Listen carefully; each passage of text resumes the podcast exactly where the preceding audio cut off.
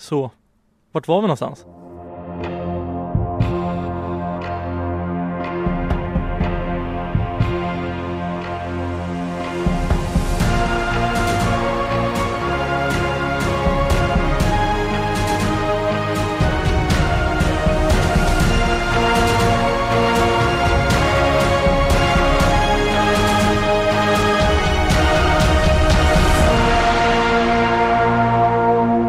Äntligen är ni varmt välkomna återigen till 100 Mix Podcast.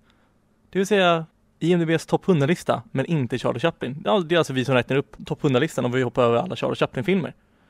För de orkar vi inte med. Eller jag vet inte, någonting sånt.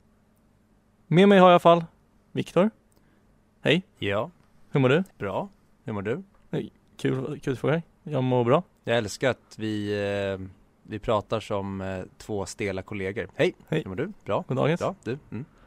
Och sen så har vi också vår vän, en återkommande gäst, Alex. Hej, Hej! hur mår du? Nej, jag mår bra. Det är varmt. Inte lika varmt som förra gången. Så det är inte Nej. samma uppoffring med eh, fläkten och så vidare. Kul. Och jag heter ju som vanligt Fredrik. Och eh, jag, jag tycker det är kul för det var ett tag där, där det här klassiska samtalsämnet som man alltid pratade med när man hälsade på någon, att, att det var corona och inte vädret. Men det känns som att vi börjar mer och mer gå, gå tillbaka till att det är vädret man alltid kommenterar. Och corona börjar mer och mer falla ur i den vardagliga diskussionen. Ja. Nej, nej, jag tycker ju fortfarande att de jag träffar som jag inte har träffat under corona är fortfarande frågan, har ni hållit er friska eller har ni påverkats? Fast jag vet inte. Alltså jag tycker det, det du säger stämmer egentligen. Alltså, jag tycker inte man pratar alls om corona längre. Förutom Nej. typ Twitter eller tidningen. Men Twitter är ju också Viktors favoritställe att hata på samhället och andra människor. Jag var faktiskt inne på Twitter idag för första gången och scrollade på fyra och en halv vecka. Så att eh, idag fick jag ta min första shot efter nästan fem veckors eh, nykterhet från eh, giftet Twitter. Mm, kul. Eh, det, dagens avsnitt är ju avsnitt 62, alltså då även placering 62. Och vi kommer fram till del två i slutet på Avengers-sagan. Det, det vill säga Avengers Endgame, som kom ut 2019 och som den också är självklart regisserad av bröderna Russo. Det kanske inte är så självklart, för man tänker ju att filmer som håller ihop är det, men Star Wars till exempel var inte det. Fast de här är ju inspelade back to back. Det var ju inte Star Wars-filmerna. Nej, det är sant. Och Star Wars-filmerna sög också, det är väl det som är skillnaden. Öppna inte den lådan. Precis, låt oss inte gå in i den diskussionen en gång till. Men jag, jag tänker att vi egentligen direkt hoppar in på Vem kan det vara? Veckans. Mm, det är första gången jag faktiskt får tävla. Exakt. Vilken ära! Ja, du får ta min eh, blomma som eh, Monica Geller hade sagt i eh, Vänner. Men eh, jag tänker vi kö- kör igång med Vem kan det vara? Alltså har vi någon förresten lyssnare som kan göra typ jinglar och så vidare? Kan de kan inte göra en jingle till Vem kan det vara? Eller kontra, vad är din heter Viktor? Ja, det, alltså den officiella titeln på hela programmet är ju Vem är vi på väg? Sen har du, eh, vad heter den här uh, söndagsversionen för barn? Du, jag är Jeopardy och du är Jeopardy Junior. Exakt. Jag anpassar det till, till dig mina ledtrådar. För du, du klagar alltid på att de är Precis. för komplicerade. Ja, Skitsamma. men du, jag, måste, jag gör ju frågor för vuxna, du gör ju frågor för barn. Det är därför jag aldrig haft fel. För att du måste anpassa den efter din, eh, dina tävlanden. Alltså jag, the child. Exakt. Men nog om det. 10 poäng. Vår skådespelare är född 1969 och kommer från USA. Redan i sin debut på filmduken blev hen belönad med en Golden Globe för bästa biroll. Hen har delat på sig själv och spelat död. Och hen är mer uppåt på kartan och är förvånansvärt bra på basket. Ja, nej. Nej, jag, Jag, Nej. jag var lite nervös på att ni skulle ta re- redan på 10 poäng. Så då, då, då kanske jag är lagom svår ändå. Kul, 8 poäng då. Den första filmen han var med i kom 1996. Två gånger spelade han mot Ralph Fiennes. En lite mer färgglad och en lite mer creepy. Hans primära känsla är rädsla och hans sekundära skulle jag mer beskriva som ilska, även om han helst undviker den. Ja, nej, jag vet inte. Du kan gå vidare för min stund. Men jag tror det kanske Victor vill tänka mig. jag är inne på någonting men inte tillräckligt för att våga gissa. Samma här. Jag tror att ni båda kommer ta på nästa. Men vi kör sex poäng i Vem kan det vara? Man skulle kunna säga att han var i New York-området utan sin mamma en gång. Han har även fått en apelsin att växa från en blomkruka. Hur nu fan han gjorde det. Var det allt? Okej, jag chansar. Jag tror jag har det. Jag gissar på... Okej. Kul, tack. Är Viktor, Alright. Viktor tillbaka? Nej, jag vet inte. Kör. Fyra poäng. Han har samma förnamn som en person vars efternamn påminner om engelsk snö. Och den personen som påminner, vars namn påminner om engelsk snö gillar även blåsa i visselpipa. Han delar en karaktär med Brad Pitt, även om Brad Pitts halva är lite coolare och, och lite mer rock'n'roll. Men fuck! Han har även varit kung och jobbat utomlands, mer specifikt i Italien. Vill du dra Viktor? Eh, fan nu blev jag ännu mer osäker, men jag gissar på Okej. Två poäng. Han är en illusionist, en ex-nazist och har kunnat, kunnat bli en stor grön Hulk. Han har även varit med i Keeping the Faith, Model, Motherless in Brooklyn och Primal Fear. Hans efternamn påminner om ett väderstreck som brukar vara uppåt om du kollar på en karta. Rätt svar var ju då Edward Norton. Vad sa du Alex? Jag sa Edward Norton. Oj, oj, oj. Så det är sex poäng till Alex. Och Viktor, mycket bra. Congratulations! Du hade ju också Jag rätt på tog dina det på poäng. apelsinen, men så fort jag svarade apelsinen så insåg jag att uh, Motherless Brooklyn, den har inte jag sett än dock. Mm. Inte jag heller, men äh. Men okej, ska jag snabbt gå igenom ledtrådarna? För, för Ja, det kanske kör. var svårare än vad jag trodde. Det var väldigt svårt Ja, måste jag säga. alltså Men det var kul, det var kul, Som det var jättekul. fan. Jag var inne på Hulken där när du eh, pratade om rädsla och ilska, men ingenting stämde in på någon av dem som jag visste spelat Hulken. Okej. Född 69 från USA. Hans debut på filmduken som han fick Golden Globe för är i Primal Fear, om jag inte minns fel. Exakt, stämmer bra. Han har, han är delad på sig själv, det är koppling till Fight Club. Och han har spelat dödligen i Illusionisten. Eh, och han är mer uppåt på kartan, alltså det vill säga nord, nor, alltså norr. Och förvånansvärt bra på basket. De vinner ju basketmatchen i American History X. Ja just Så, så, så, de får behålla planen. Ehm, och det var alltså Fear som kom ut 1996. Ja, men han, han har fall spelat två gånger emot Ralph Fiennes. En, en lite mer färgglad. Och tänker på... Eh, Ray Fiennes. Nej, jag menar det. Jag tror jag är autokorrekt. Ja. Eh, den färgglada är ju då i Grand Budapest Hotel. Och den som är mer creepy, det är då eh, alltså Red Dragon, Röd drake. Och sen hans primära känsla är rädsla, primal, primal fear. Och hans sekundära är ilska som helst undviker, det vill säga Hulken. Mm. Och Mm. han har en gång varit i New York-området utan sin mamma, Motherless in Brooklyn. Och det är i Illusionisten som han gör det här sinnessjukt fina tricket när han får en apelsin att växa fram. Eller det jag egentligen får är ett apelsinträd att växa. Bara gör magi i väldigt snabb tid. Coolt. Visst är den pure sci-fi? Det, det, vi spårar den för mycket för att kunna ha någon verklighetsförankring. Nja, nu var det väldigt många år sedan jag såg det, men jag för mig att den faktiskt håller sig inom verkligheten. Jag tror att alltså ända fram till slutet, alltså typ sista scenen, så ska man tro att det har varit något overkligt. Men sen så visar det sig att det inte är så. Har jag för mig. Nu kanske någon kommer att slå med oss på fingrarna sen men. Ja men det är väl mer, alltså Now You See Me är ju mer overkligt om man typ flyger runt i bubblor. Det är alltså, det, Hörru, snacka inte skit om Now You See Me. Det är Viktors favoritfilmer.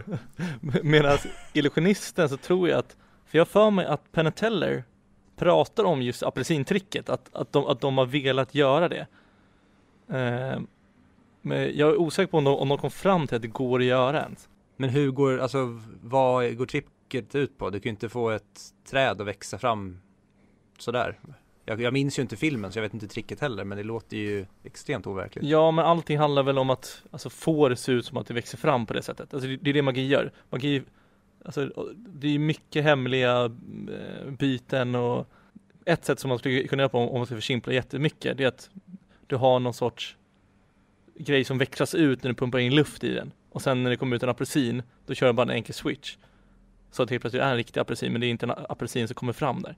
Ja, nej det är bara för jag, jag minns att jag tycker svinmycket om Illusionisten men det jag minns av den är att den tar sig väldigt mycket friheter och kan bli väldigt mycket sci-fi men jag kan ju minnas fel. Ja men det är ju på gränsen i alla fall. Det håller jag med om.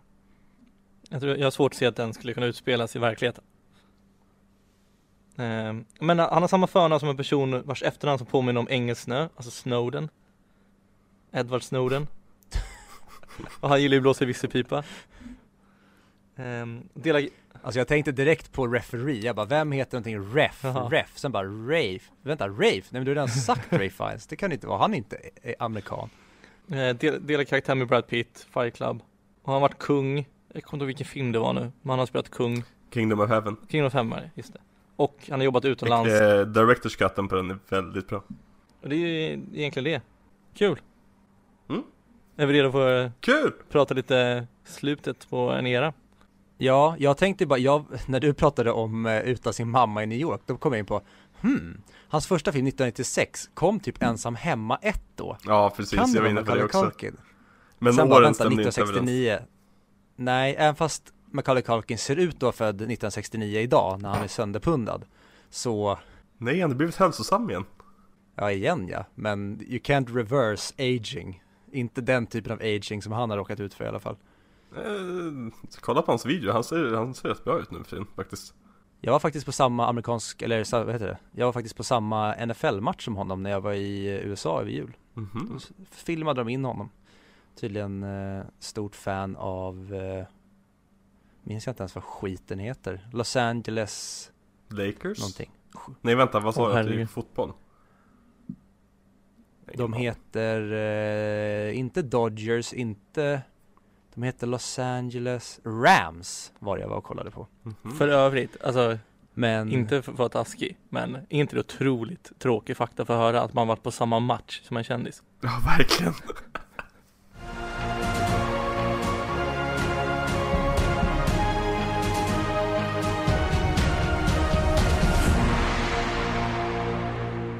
Vi kan ju stolt presentera vår första sponsor, Studio.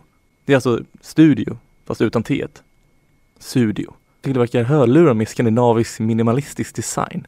Har du sett dem innan någonting Viktor? Innan de kontaktade oss? Faktiskt inte. Men, eh, för vi fick ju testa deras, eh, deras nya produkt som heter 1, heter den bara. Mm. Eh, det är deras senaste trådlösa hörlurar. Och deras första modell som har aktiv brusreducering. Vilken är svinnice för jag brukar alltid när jag åker buss eller tunnelbana eller liknande så gillar jag att kolla på filmklipp eller bara kolla på en film på Netflix eller en serie. Och med de här hörlurarna, dels så får man bort allt bakgrundsljud på bussen eller tunnelbanan. Men det, men det blir också väldigt klart ljud när man kollar på filmen. Mm, jag tycker faktiskt det är ett svinstort problem. För alla hörlurar jag har testat innan har varit, haft exakt samma problem. Att de är skitbra ofta i ljud. Men så fort det är bullriga miljöer, typ åka till jobbet som du säger. Då är det så jävla jobbigt för att allt ljud tränger igenom så att det blir så liksom blandat. Och som du säger, det går inte att kolla på en film. Nej, det går inte att lyssna på en podcast eller kolla på film om man åker utan de här gamla tunnelbanorna. Typ blåa röda har, alltså de två linjerna har ju sådana tunnelbanor. Det, alltså, det, det är hopplöst. Men det är, det är samma sak när jag är på gymmet, du, när man cyklar eller kör crosstraining. Det som visas på tvn där är alltid så tråkigt. Det är så här nyhetsmorgon där man knappt hör vad de säger. Alltså, då brukar jag hellre sätta upp en mobil och kolla på någonting. Eller lyssna på en podcast och då vill jag bara få bort allt annat ljud. Perfekt för studio. Men jag kan även lägga till den, för jag tycker precis samma sak när jag är ute och typ och springer. Att bara ha ett par hörlurar som tar bort omgivningens ljud, inklusive mina egna jävla Det gör att man orkar typ dubbelt så mycket. Ja, när man inte hör hur trött man faktiskt är. Ja, det är helt sjukt vilken Ja. skillnad det blir. Man hör hur man lider sakta men säkert. Men för det sättet, för när man ringer med dem så då hör man sig själv, så man hör ju mycket tydligare när man pratar med någon. Så det är väldigt bra mikrofon till dem också. Det, det måste komma till såklart är att eh, det de sponsrar oss med är ju att vi har en, en rabattkod som är 100 mic. Och det här är lite farligt nu för folk kanske tror att det stavas M-I-C-K. Men jag hoppas att folk som lyssnar på oss har lärt sig att 100 mic, 100 M-I-C-C. Och skriver ni in den på studio.coms hemsida så får ni 15% rabatt på hela sortimentet. Hur underbart är inte det? Verkligen. Att vi äntligen ska få göra någonting gott här i världen och hjälpa människor. Ja, så det är perfekt. Köp en present till din respektive. Köp en till dig själv. De har snygga sådana här, du vet, små högtalare också som man kan med om man ska sätta sig utomhus eller bara vill ha på balkongen. Jävligt snygga. I agree. Otroligt. Så gå in på sudo.com, slå in, släng in några produkter i varukorgen. Skriv in 100 mic så får ni 15% rabatt. Precis, och då är det 100 mic M-I-C-C som podden. Om du bara kollar ner på din telefon eller vad du lyssnar på nu så ser du hur vi stavar. Så det är inte som en jävla mikrofon som min farsa trodde. Trodde han det efter att han hade lyssnat på podden? Jag vet inte, han trodde, han trodde även att podden hette 100cc, som att det var någon jävla bilsportspodd. Jaha, alltså cylinderstorlek CC. Mm? Intressant. Topp 10 cylindrar men inte, jag vet inte, jag kan ingen Topp cylinder. 100. Topp Så 100. jävla nördig är jag när det kommer till Jaha, det kan- bilsport. Att jag har rankat mina 100 bästa cylindrar. Fy fan. Ja, ja. Köp Studio. Det tycker jag. Men nu kör vi. Avengers Endgame. Let's go. Tjena, hej.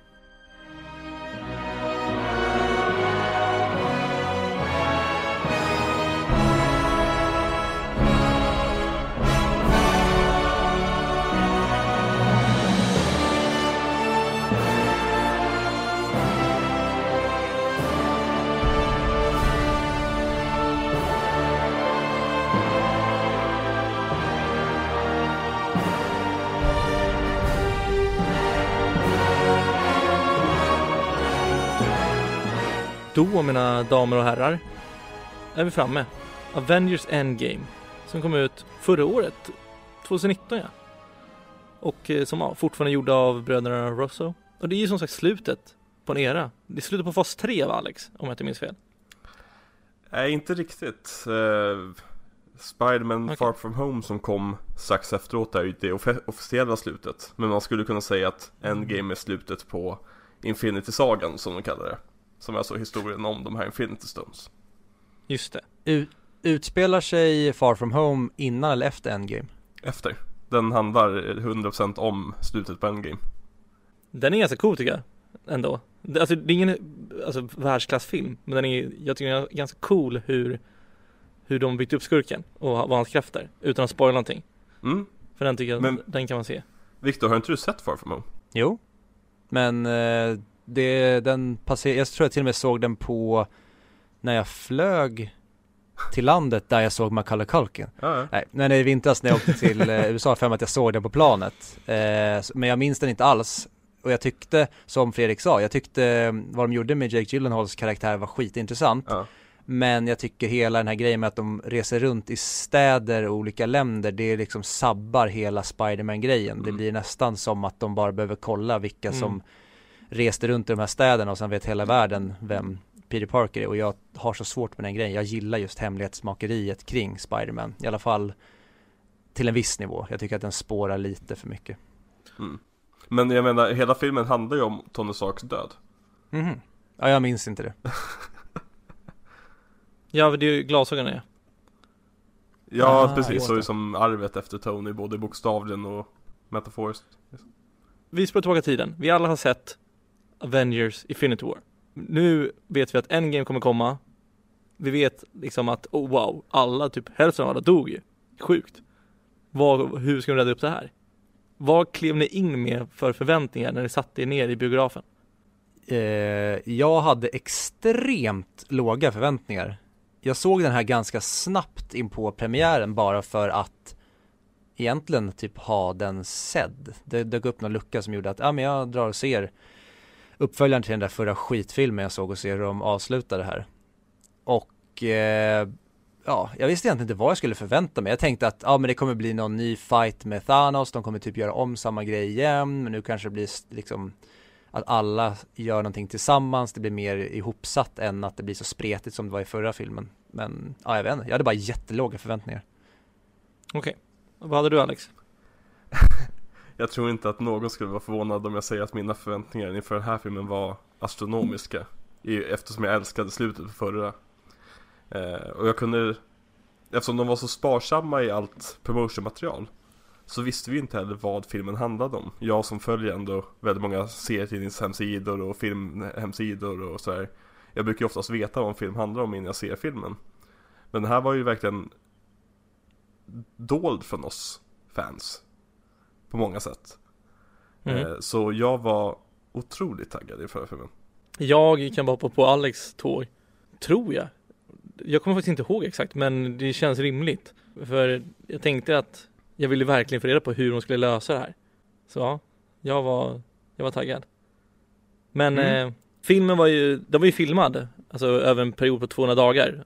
Båda den här och Infinity War var ju filmade back to back. Alltså så alltså båda de två filmerna var filmade 200 dagar. Så det som egentligen händer är att vi, vi följer upp superhjältarna väldigt kort tid efter Thanos besegrade dem i Infinity War. Och Det är typ fem dagar eller något. Ja, jag tror det. Och för, för Infinity War slutar med att eh, Samuel L. Jacksons karaktär som heter Alex, Nick Fury. Mace Window. just Nick Fury skickar ju en nödsignal till, Mace Window, till eh, Captain Marvel. Så, så medan de håller på att lista ut hur de ska hitta Thanos, hur de ska besegra honom och så vidare så kommer ju hon tillbaka till jorden.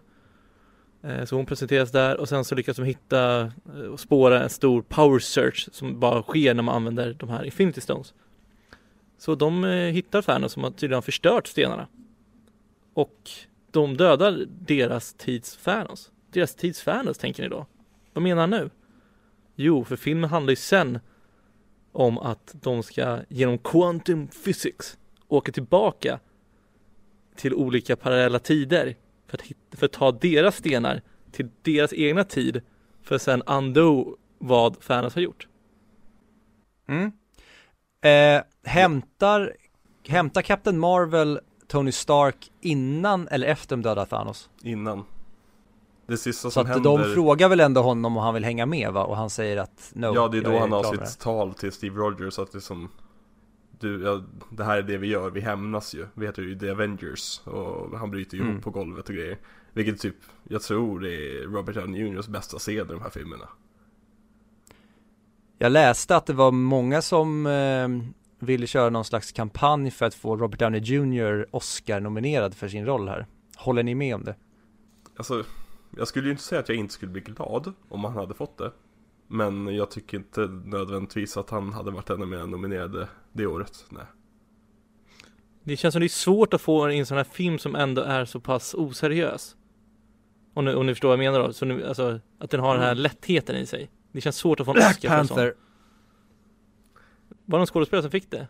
Nej jag menar bara att den blev Oscarsnominerad, då tycker jag inte det är konstigt om man skulle få en Oscarsnominering för den här. Det var ju ganska märkliga saker som fick nomineringar för Black Panther, in my Jaha. opinion. Ja, jag tänker så, ja.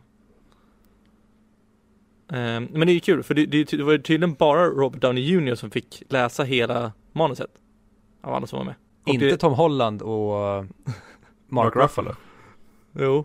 Nej, de, de fick väl återigen kanske ett gammalt skript, eller manus. Men, De fick- men, Skriptet till första Avengers och fattade ingenting. men det är också, det finns ju en, eh, alltså, ja, alltså ikoniska I Love You 3000.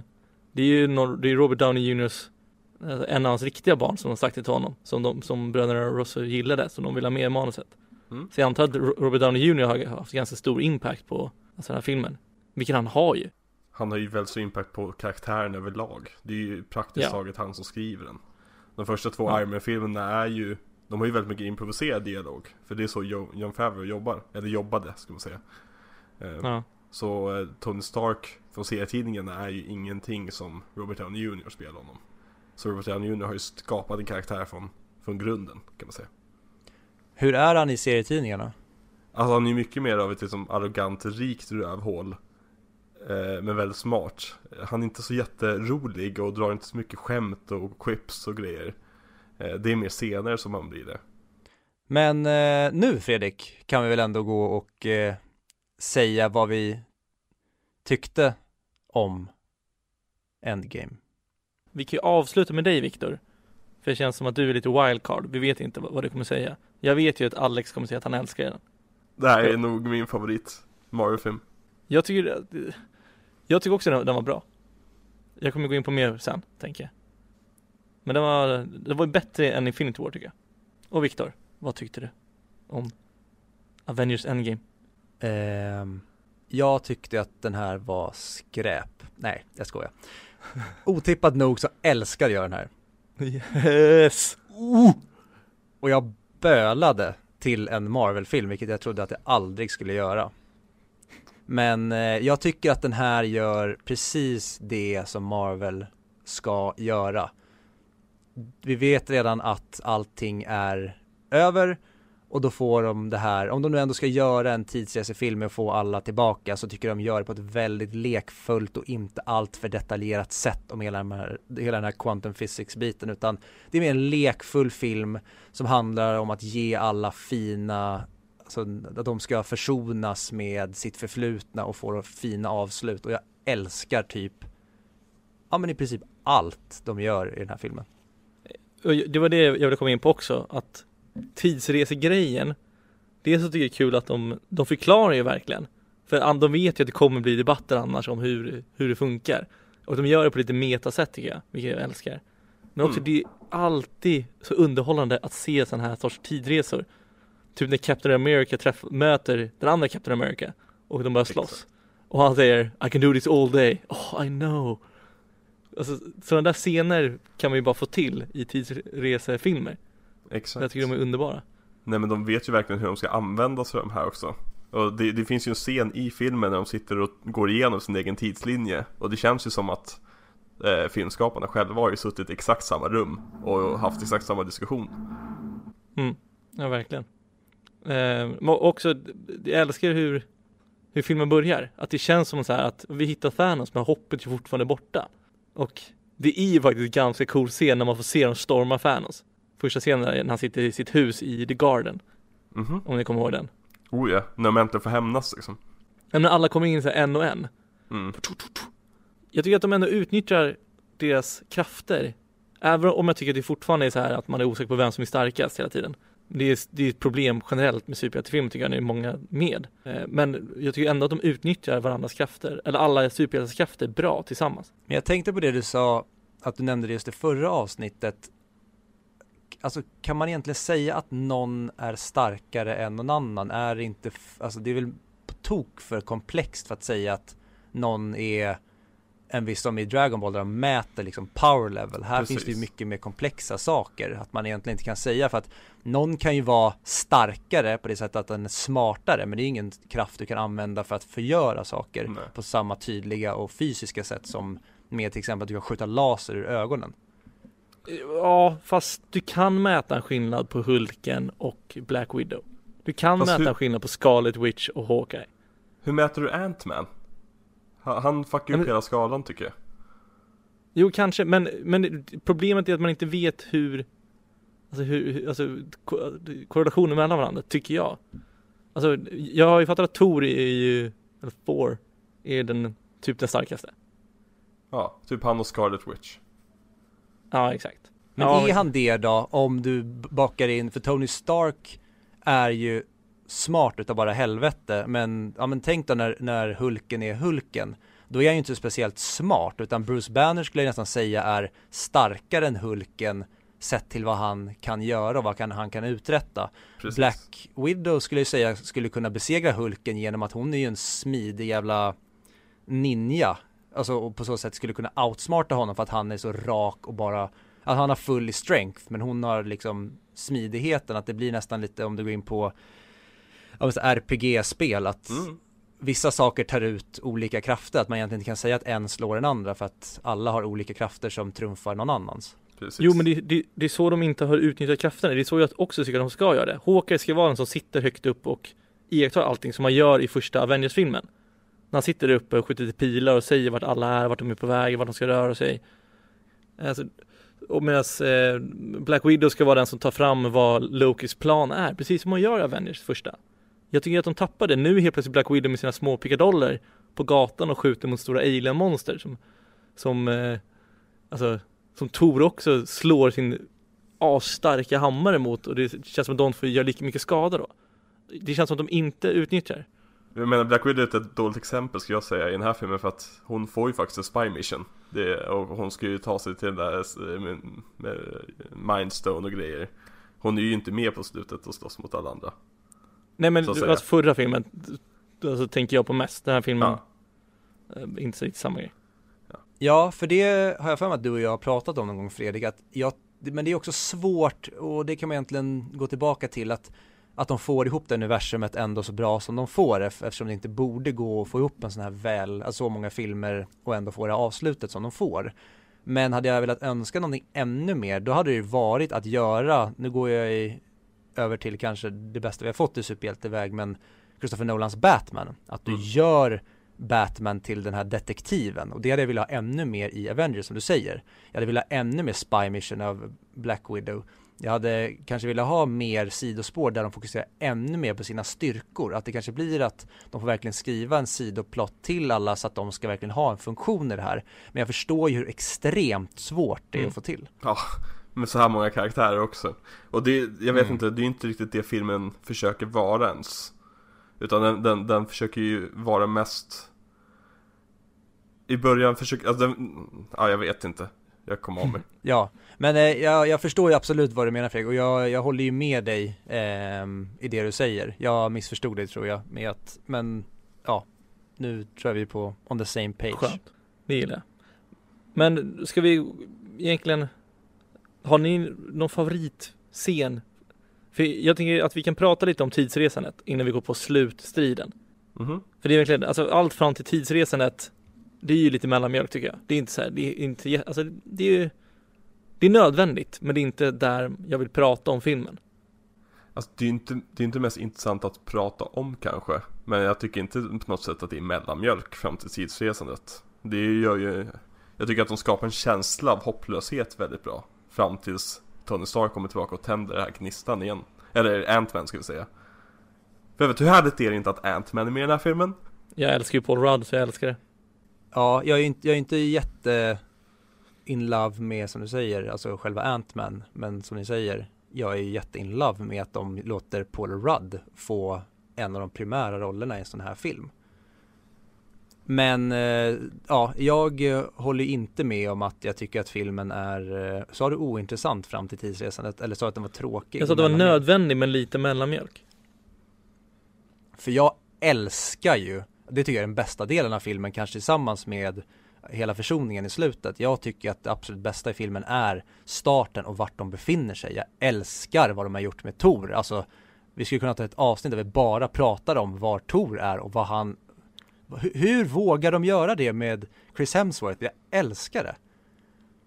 Och även vad de har gjort med, eh, jag gav Mark Ruffalo en massa skit i förra avsnittet men jag älskar vad de har gjort med Bruce Banner och Hulken i den här. Och just de lekfulla bitarna, men jag älskar framförallt det mörka i början, hopplösheten, var alla befinner sig någonstans och att de känner att det säger väl till och med Captain America vid något tillfälle att vi alla borde ha dött.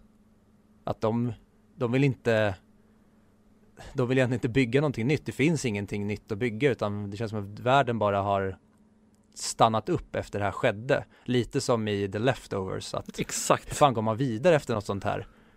Men jag älskar att de är så uppgivna. Och sen så blir det just den här att de trappar upp det. Och sen så blir det att, ja men Tony ska du med och göra det här? Nej det ska jag inte. Och sen så blir det att, nej men jag vet att jag inte kommer kunna hålla mig från det. Så jag håller på att testa lite olika grejer. Och så boom jag kom fram till en lösning. Let's try this shit. Och sen har vi den här roliga Marvel-riden. Så att det handlar inte om egentligen kommer vi besegra Thanos förrän långt in? Utan det handlar, hela grejen är egentligen att få tillbaka våra vänner. Jag tycker också, för att fördjupa på det här med hopplösheten, att det finns en väldigt intressant scen när de visar hur hopplösheten har gjort Captain America till en person som eventuellt skulle ljuga. I det att han sitter först och har ett möte med folk där han säger att det är viktigt att vi försöker bygga, bygga upp igen och hålla hoppet uppe.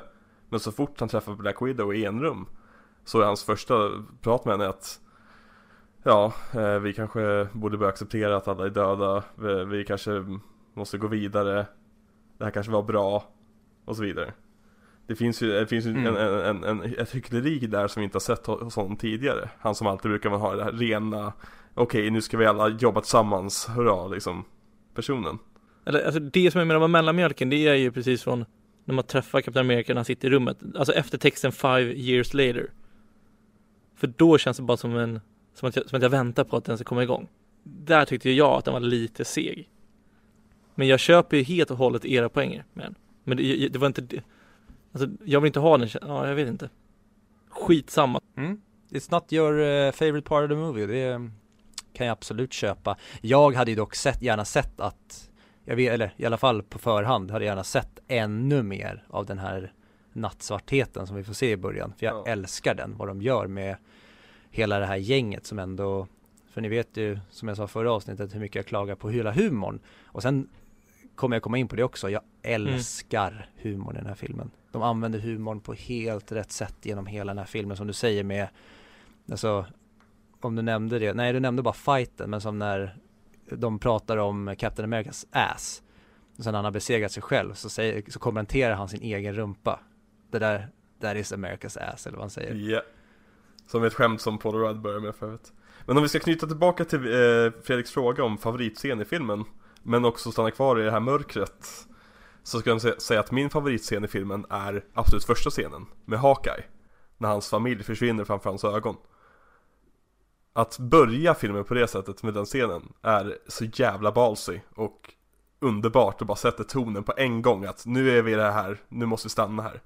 Ja, jag håller med dig Alex, det är riktigt snyggt gjort. Ja, ja precis exakt. Han är ju på Proberry release efter Civil War. Jag håller ju med er om, jag tycker ju hur att den är väldigt, väldigt filmisk, att det blir väl, där är vi nästan i, som de samma sak gör i eh, Logan med Wolverine. Att vi går väldigt ner till liksom en grounded nivå, han är där med sin familj och så händer någonting som vi får se liksom Hawkeye-personen.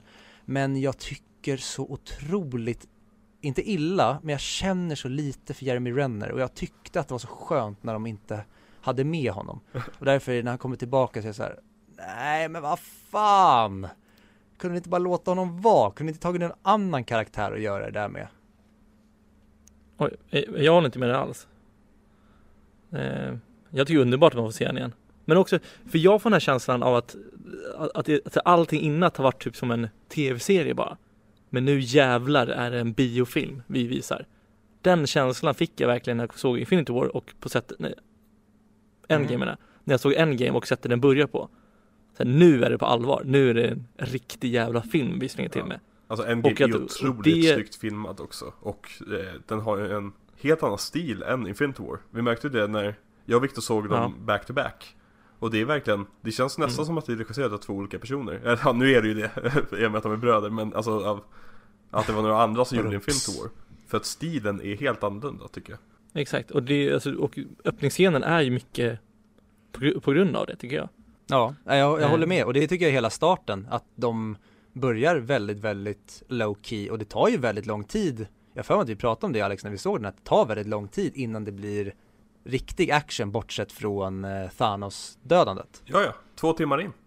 Om man, om man Mm. bortser från Cap, eh, Cap vs Cap-fighten så är det två timmar in som den enda, som den enda stora actionscenen i hela filmen kommer. Och det är slutet. Det är när de bombarderar. Ja precis, när den börjar bomba. Det är då actionen börjar. Vilket är Okej. så jävla ballsy också av Marvel att det som Nej men nu, nu har vi Vi vet att alla kommer komma och se den här filmen. Vi gör den tre timmar lång. Och vi gör den inte tre timmar lång med liksom, utökade actionsekvenser som en Transformers-film. Utan det vi utökar är alla de känslomässiga scenerna där vi lär känna karaktärerna bättre och där vi lär, liksom, där vi sitter och tycker synd om de här karaktärerna och vi är hoppfulla för de här karaktärerna och så vidare. Istä- Istället för att ha det som mindless action som kan bli en superhjältefilms död.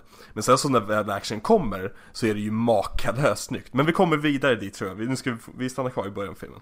Men får jag också bara slänga in en grej om eh, The Blip som det kallas i Spider-Man, Far From Home. Och jag, jag har tänkt på det och jag har läst om det. Att de som var på flygplan, när de blev blippade tillbaka när de knäpper med fingret, borde inte de dö då? Eh, Hulken tog säkert hand om det. Han är smart. Det är han som, det är han som knäpper. För ut, utveckla, för Ja. jag vet inte vad du menar. Nej men för jag antar att all, alltså, för alla kommer tillbaka på sin or, ordinarie plats. Efter de försvann. Efter de blev dödade första gången när Knäpper i Infinity War. Och det måste varit jättemånga personer som satt i trafiken i en bil eller på flygplan eller var på en båt. Eller liknande. När de blir blippade tillbaka så borde de komma upp till samma plats igen. Men då borde inte flygplanet, bilen eller båten varit på samma plats.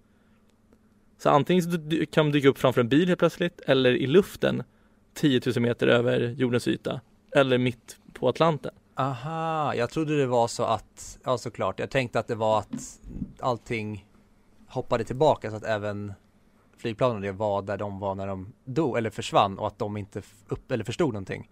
Att det bara var så här Ja. som att ingenting hade skett för dem och planet var på samma plats i luften. Men det, det hade varit en jävligt rolig eh, komisk take att se någon göra det här. Eh, vad som hände med alla människor. Bara ser, jätte, ja, ser jättemånga människor falla från himmel, himlen och han bara Folk fastnar typ i väggen för någon har byggt ett hus där. Alltså, jord, planeten jorden rör ju på sig också. Så de flesta skulle vara ute i rymden. Ja just det. Eller alla skulle vara ute i rymden snarare. Det finns inte en person som skulle vara kvar på jorden. Åh fy fan vad tråkigt att dra det så långt. Ja.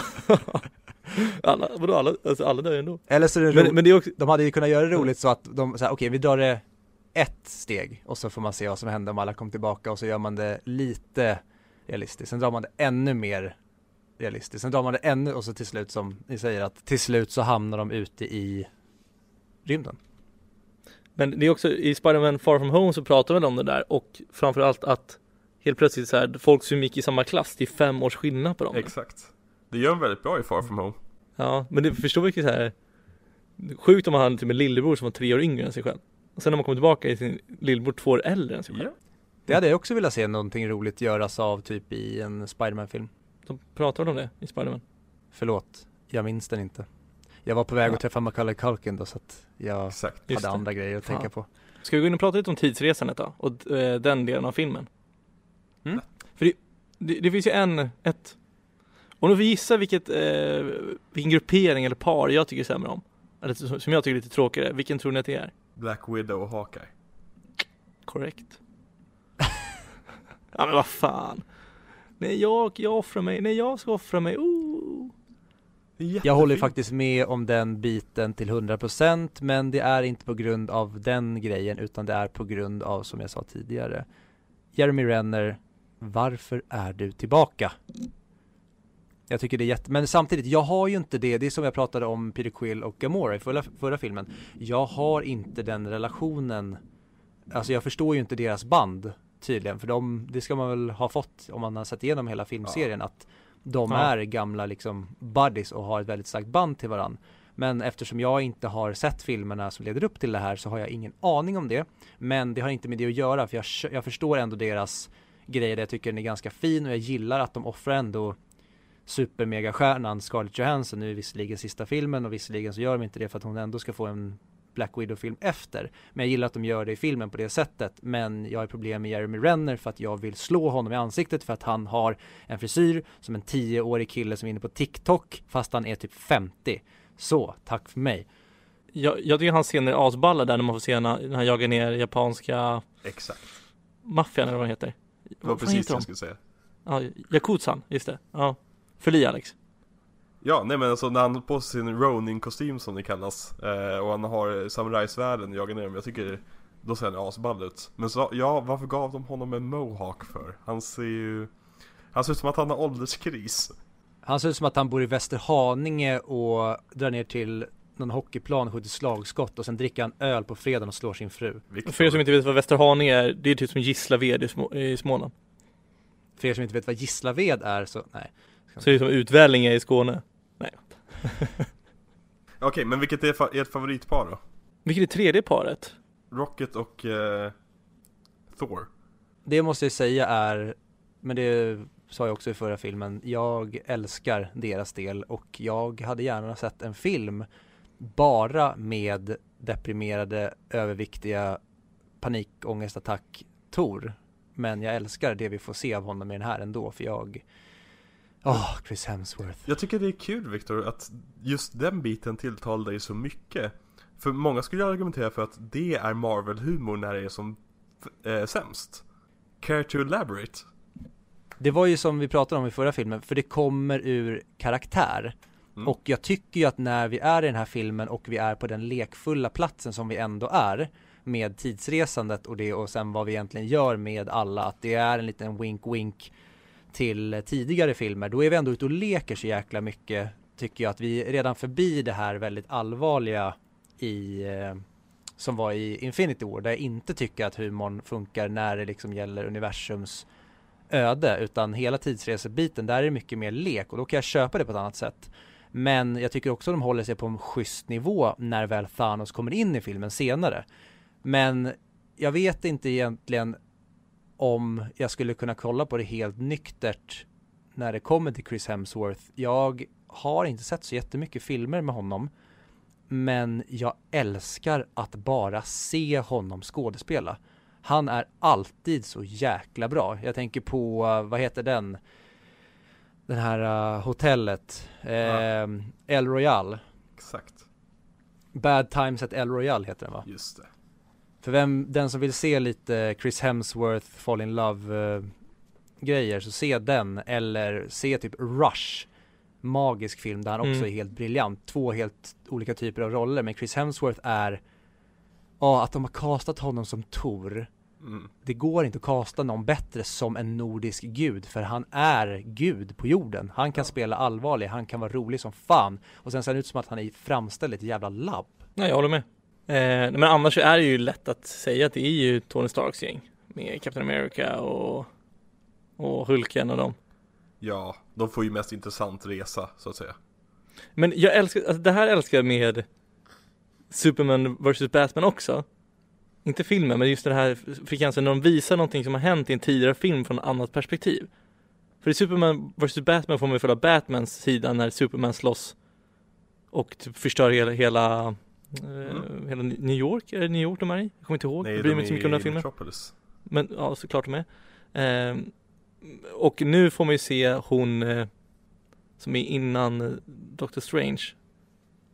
Ja, The Ancient One. Ja, Tilda exakt. Swinton. Ja, The of One. Och när man får se hennes perspektiv från New York-slaget.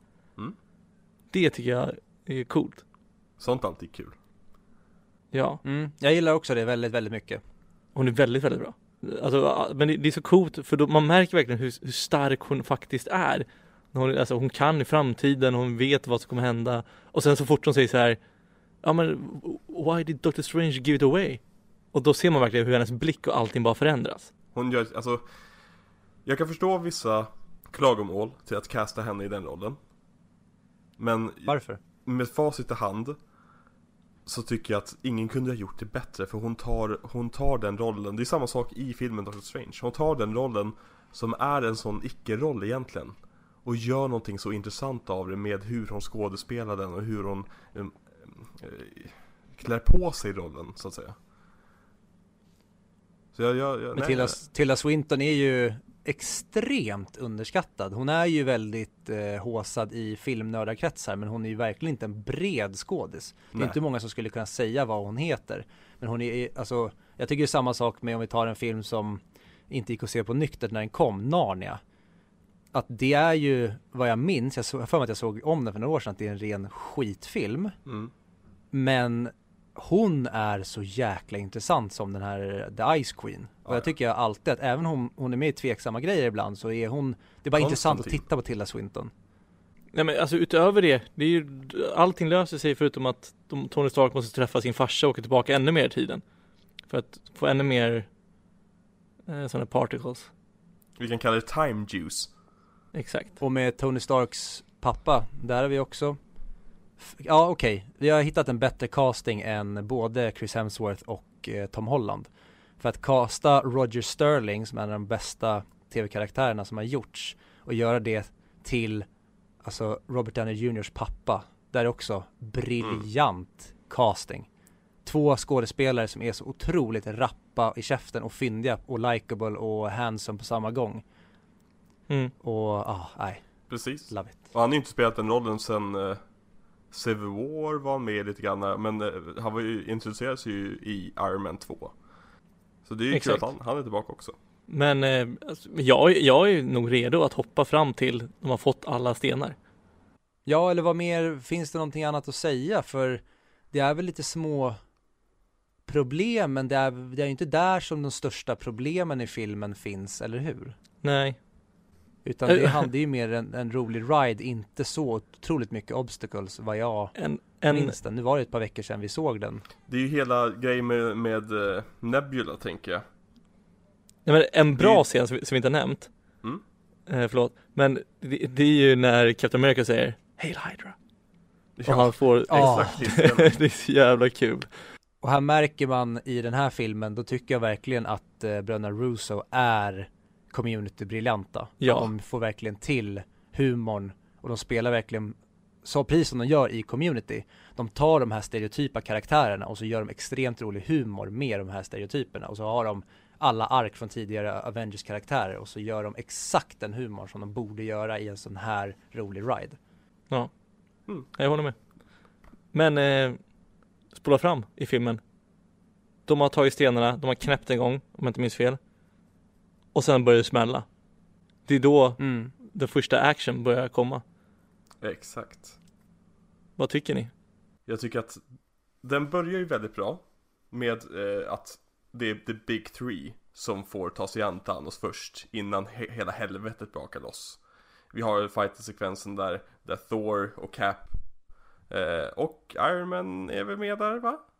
Ja, jag tror det. Ja, det är han väl. Ja, slåss tillsammans och, och eh, Captain America lyfter hammaren bland annat och använder den eh, mot Thanos.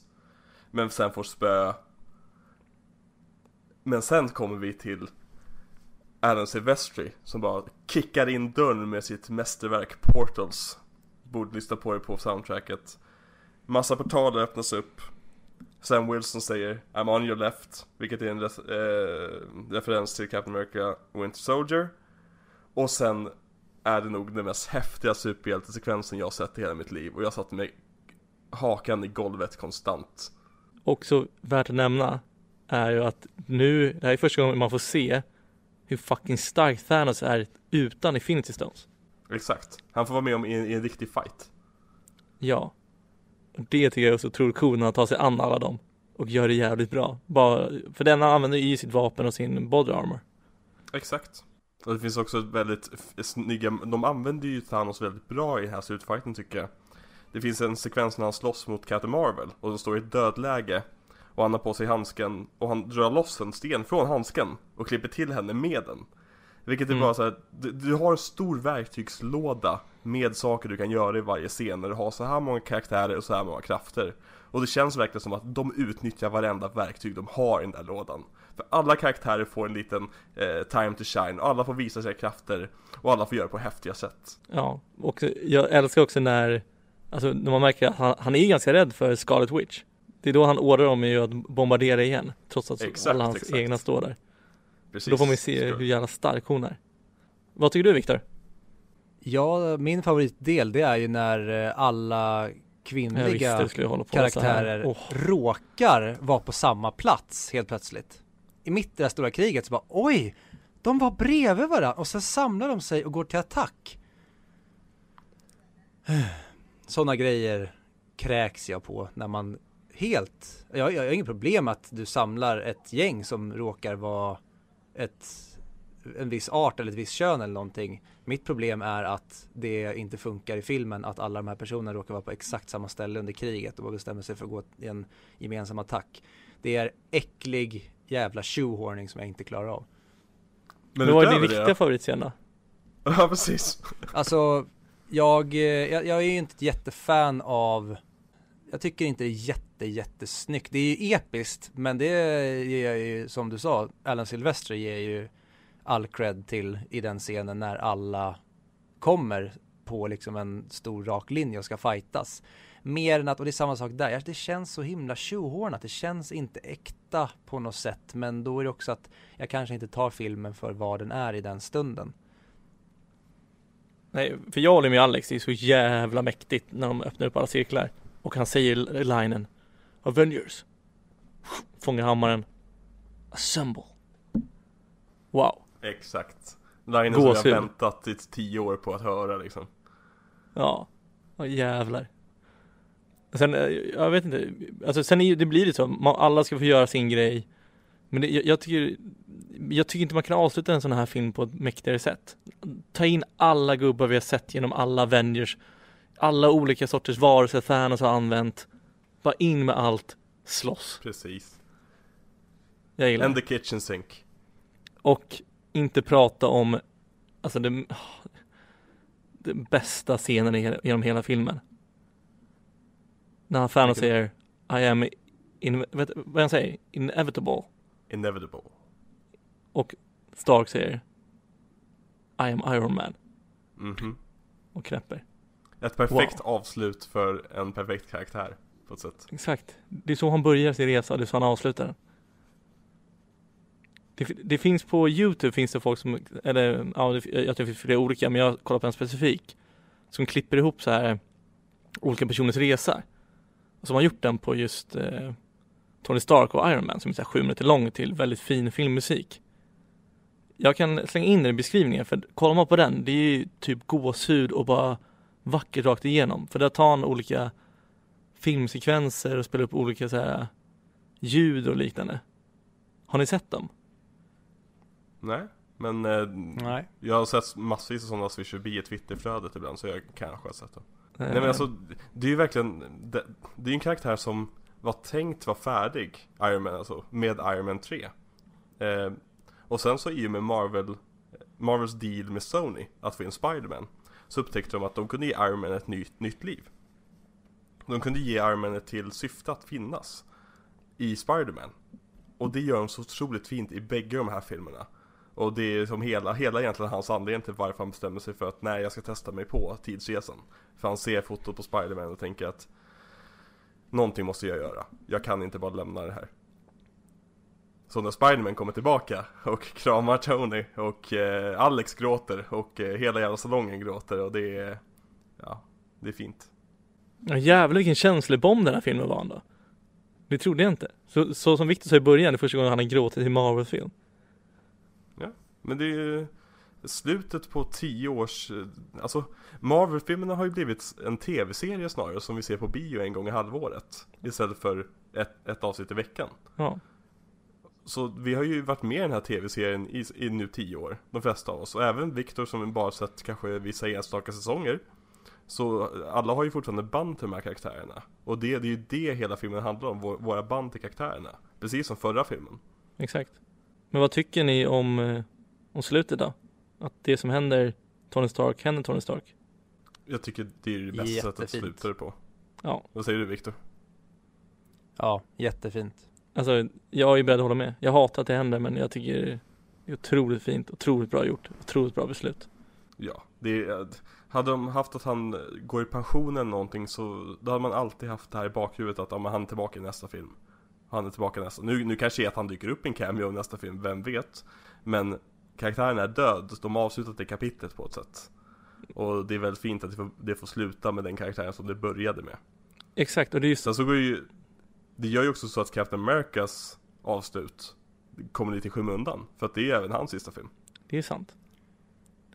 Och det skulle jag komma till, det är den, jag tycker jätte- jättemycket om Tony Starks avslut. Eh, men som du säger, det kanske sätter Steve Rogers slut lite i, eh, an, i passagerarsätet.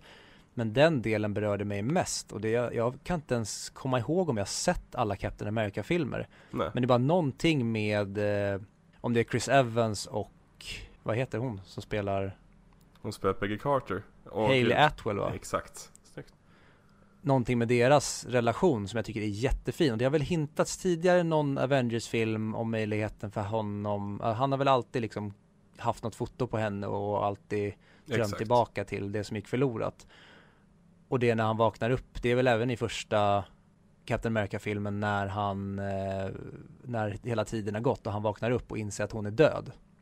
Nej hon är inte Och död. sådana hon, grejer. hon är blivit gammal. Hon är med i andra Ah, Captain okej. America-filmen. Mhm. Men att det, han har blivit av med hela möjligheten Mm. till sitt livs kärlek och Exakt. därför tycker jag det är så otroligt fint och nedtonat och bara finstämt hur de dansar i Ja. slutet. Och han är så gorgeous åldrad. Mm. Det är en av de snyggaste, ja om det, vad är det, makeup blandat med CGI va? Precis.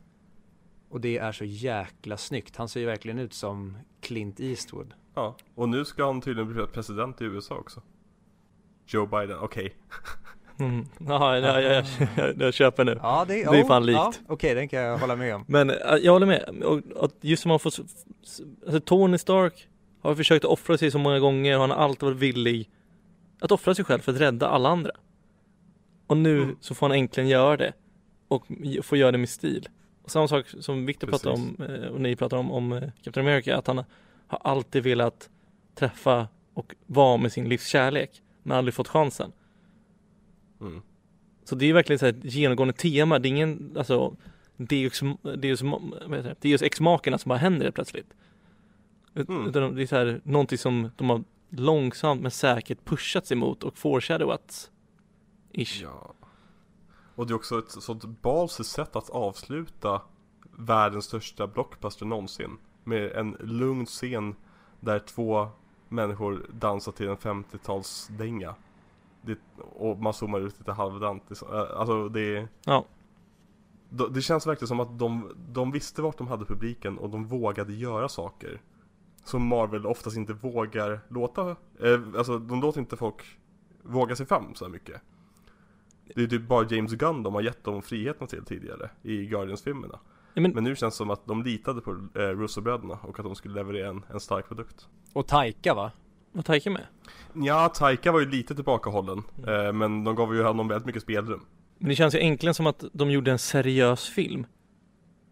Inte en sån här fanfiction-film, om du, om du förstår vad jag menar. Mm. Vad, men okej, om vi vänder på steken då, innan vi går på betyg. Eller om vi gör det samtidigt. Men vad hade ni velat förbättra? Eller vad hade ni velat sett annorlunda i den här filmen? Jag hade egentligen bara velat en sak annorlunda. Eh, och det är att jag vill att Bucky ska få skölden. Inte för att jag inte gillar Falcon, men alla Cap- i och med att Captain America inte fick ett ordentligt slut i sina egna filmer så har ju ändå Captain Americas historia handlat nästan typ 70% om Bucky. Att han väljer sin andra polare i sista scenen i sin sista film känns lite det känns som att, ja, vad handlade Winter Soldier och Civil War om då?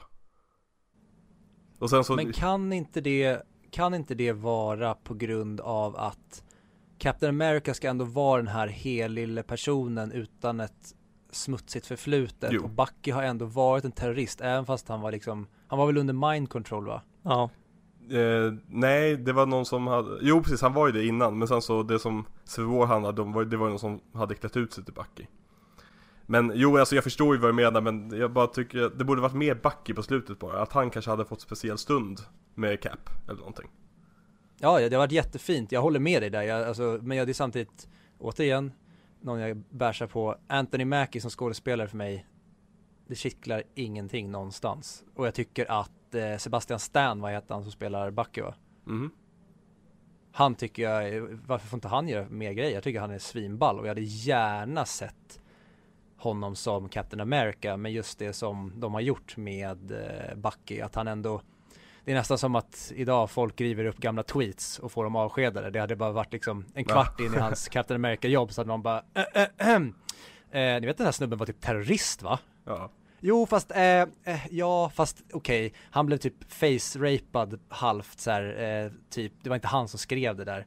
Ja, det spelar inte stor roll, han ska Nej. vara liksom det finaste vi har. ja, nej men jag förstår Nej men alltså, nej, men jag vet inte nödvändigtvis om jag hade velat se honom få skölden då men jag, jag förstår Eller du förstår, jag, jag vill bara ha någon till scen med Bucky och Cap där de får säga hej då ordentligt För den enda gången de säger hej då är ju innan Cap åker iväg Och då pratar de lite grann nästan som att han ska kunna komma tillbaka Och jag vill bara som att Caps sista scen i, eh, innan det som slutet ska vara med Bucky Mm. Nej jag håller med.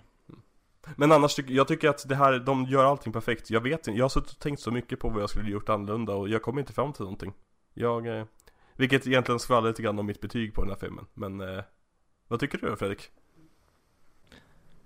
jag vet inte heller. Alltså, jag, kom- jag har inte heller något specifikt. Det är väl lite, lite långtråkigt, eller långdraget tycker jag. I vissa stunder där. Och det är så svårt. Det är svårt att få en stark känsla till alla relationer. Alltså så stark som man vill ha. Man har ju en otroligt stark känsla till Captain America och Tony Stark och det gruppgänget.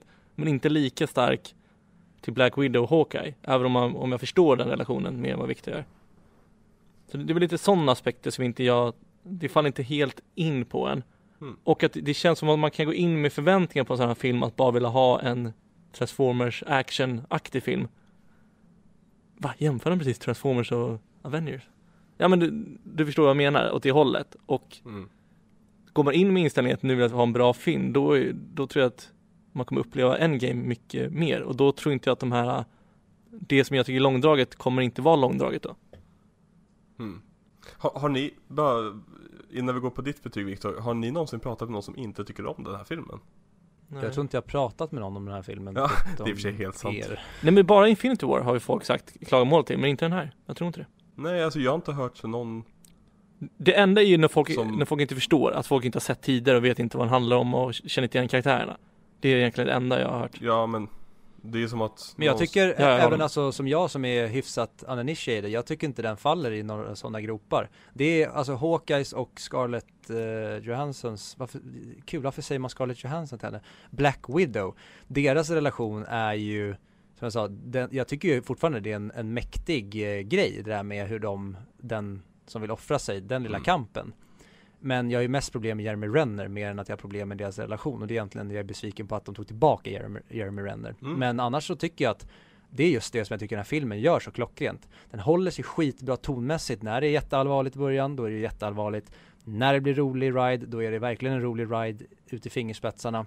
Och sen blir vi väldigt allvarliga och sen blir blir vi väldigt blödiga. Och bröderna Russo gör det här i perfektion. Och även de här relationerna. Jag har ingenting att klaga på när det kommer till relationsbitarna. Jag tycker de avslutar allting klockrent. Och det är, ja, man kanske hade kunnat lägga och bli ännu blödigare på vissa detaljer. Ja. Men då får man ju återigen bara liksom ta brasklappen att det här är ett enormt projekt som de syr ihop så Precis. jäkla snyggt. Men eh, med det sagt, vem vill börja bjuda på sitt betyg? Jag kan bjuda. Mitt betyg på den här filmen är 10 av 10 För jag älskar den. Eh, Och jag skulle säga att den hör definitivt hemma på listan. Mest som representation för Marvel-universumet på helhet Men också i sin egen klass. Men det går ju inte riktigt att prata om den här filmen utan att koppla ihop den med resten av Marvel-filmerna. Jag skulle säga att den kanske hamnar på 20 plats 20 mick? Oj, oj, oj!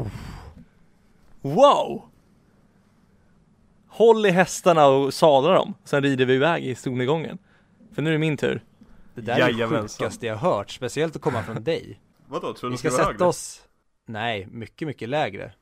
För jag tänker ändå att du, eh, att ändå, det är inte 20 filmer ens, eller det är 19 filmer som tydligen är bättre, eller du sätter högre på en topplista. Det är interesting. V- Var trodde du att du skulle placera den här? Kanske 50 då? Ja, så långt ner. Alltså det är ändå 50 filmer som bara, alltså, och det tycker jag är bara med tanke Ja. på hur mycket film jag vet att du ser och har sett. Ja, nej men alltså jag, det, det är få filmer jag hellre ser än den här filmen. Jag tycker verkligen, verkligen om den här filmen. Ja, jag köper det. Nice. 100%. Yes. Jag klev in med en 9 av 10 från mig. Det faller inte hela vägen till en 10 av 10, tyvärr. Eh, och det är också lite så här.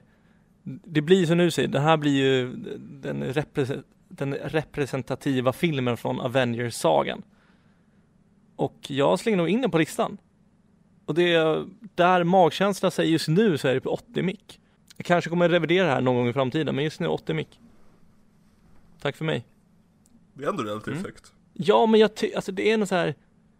Vill man bara se en så här underhållande film så slår vi på den här, eller någon Star Wars-film. Eller, alltså, eller typ Sagan om ringen. Och då känner jag att, Mm. alltså, om jag fick välja en film att kolla på, finns det verkligen mer än 80 filmer jag hellre hade valt än den här? Jag vet inte. Fan, det är 90 mick. Ja, vi, vi kör 80 mick så kommer jag sänka den sen. Har du, har du sett 80 filmer? Fuck you. Nej jag skojar. Ehm, ja. Ja, det är så jävla spännande. Jag sitter och skakar. Vad kommer man ge? Eh, Alex kanske är Ja jag tycker du Fredrik, du får gissa vad jag, vad jag sätter på den här. Jag vet att du kommer garanterat sätta en 8-10 och inte topp 100. Ah, Okej. Ja du är inte helt off men du är eh, inte rätt på några punkterna. Det här är en eh, 9 av 10 eh, film för mig den här gången vi såg om den. Jag eh, vet inte om jag tycker att det är en 9 av 10 film sett som en film men just det den gör för det här, den här sagan och hur, som Alex sa om, om det som Alex sa var hur snabbt den här filmen svischar förbi. För det kändes inte som tre timmar. Det, jag hade kunnat sitta i ja, men någon timme till och bara få mer av det här. Och det får ju mig verkligen sugen på att se om Marvel, alla Marvel-filmer från början och få det här avslutet och tänka att oh, känner jag 9 av 10 för det här med den ändå, inte avskyn, men att jag har så otroligt lite kärlek till Marvel eh, universumet. Vad kan jag då få om jag ser om alla filmer nu när jag vet vad som finns innan och kanske får ett jättestarkt band till de här. Då kanske det blir pang bom rakt in i hjärtat. Så att en eh, 9 av 10 och jag sätter som då representant för det här eh, spektakulära den spektakulära filmvärlden som de ändå har skapat som jag har så otroligt mycket respekt för så får den här ta sig in som representanten och jag sätter ändå den på, den får, den får vara 100 mick. Oh! Kul! Verkligen, det var otippat ändå- ändå. Sen är ju problemet att, eh, som vanligt, skulle jag gå in och göra en lista med de 100 bästa filmerna, då vet jag att den här skulle flyga åt fanders. Men just nu är jag, ja men jag är väldigt glad på den och eh, jag tycker ändå att den, den får stå där som representant för sitt universum. Jag, jag tycker det är stort. Jag Verkligen. tycker det är kul. Jag tycker att ett bättre slut får vi inte på vår Avengers-saga. Än Ja. att Victor slänger in det på namnet 100 mick. Yes. Eh, och eh, ja, vi ska försöka wrappa upp det här. Eh, nästa vecka, då kommer vi få ytterligare en gäst. Det blir gäster tre avsnitt i rad. För då kommer nämligen Viktor Järner från eh, Moviesins lång, långkörande podcast som jag tror har hållit på, måste typ snart vara tio år, eh, nämligen Filmmixen, där han är eh, en av två i den duon. Han är även eh, filmskribent på Movieson, Movieson, Moviescene. Och eh, ni ser honom då och då i eh, TV4 morgon när han brukar prata upp filmer. Men eh, nog om det. Och nästa vecka med Viktor så ska vi prata om The Shining.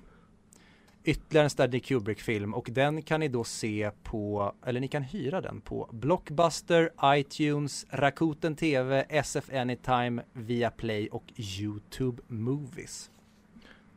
Ja. Eh, men fan, ha det bra.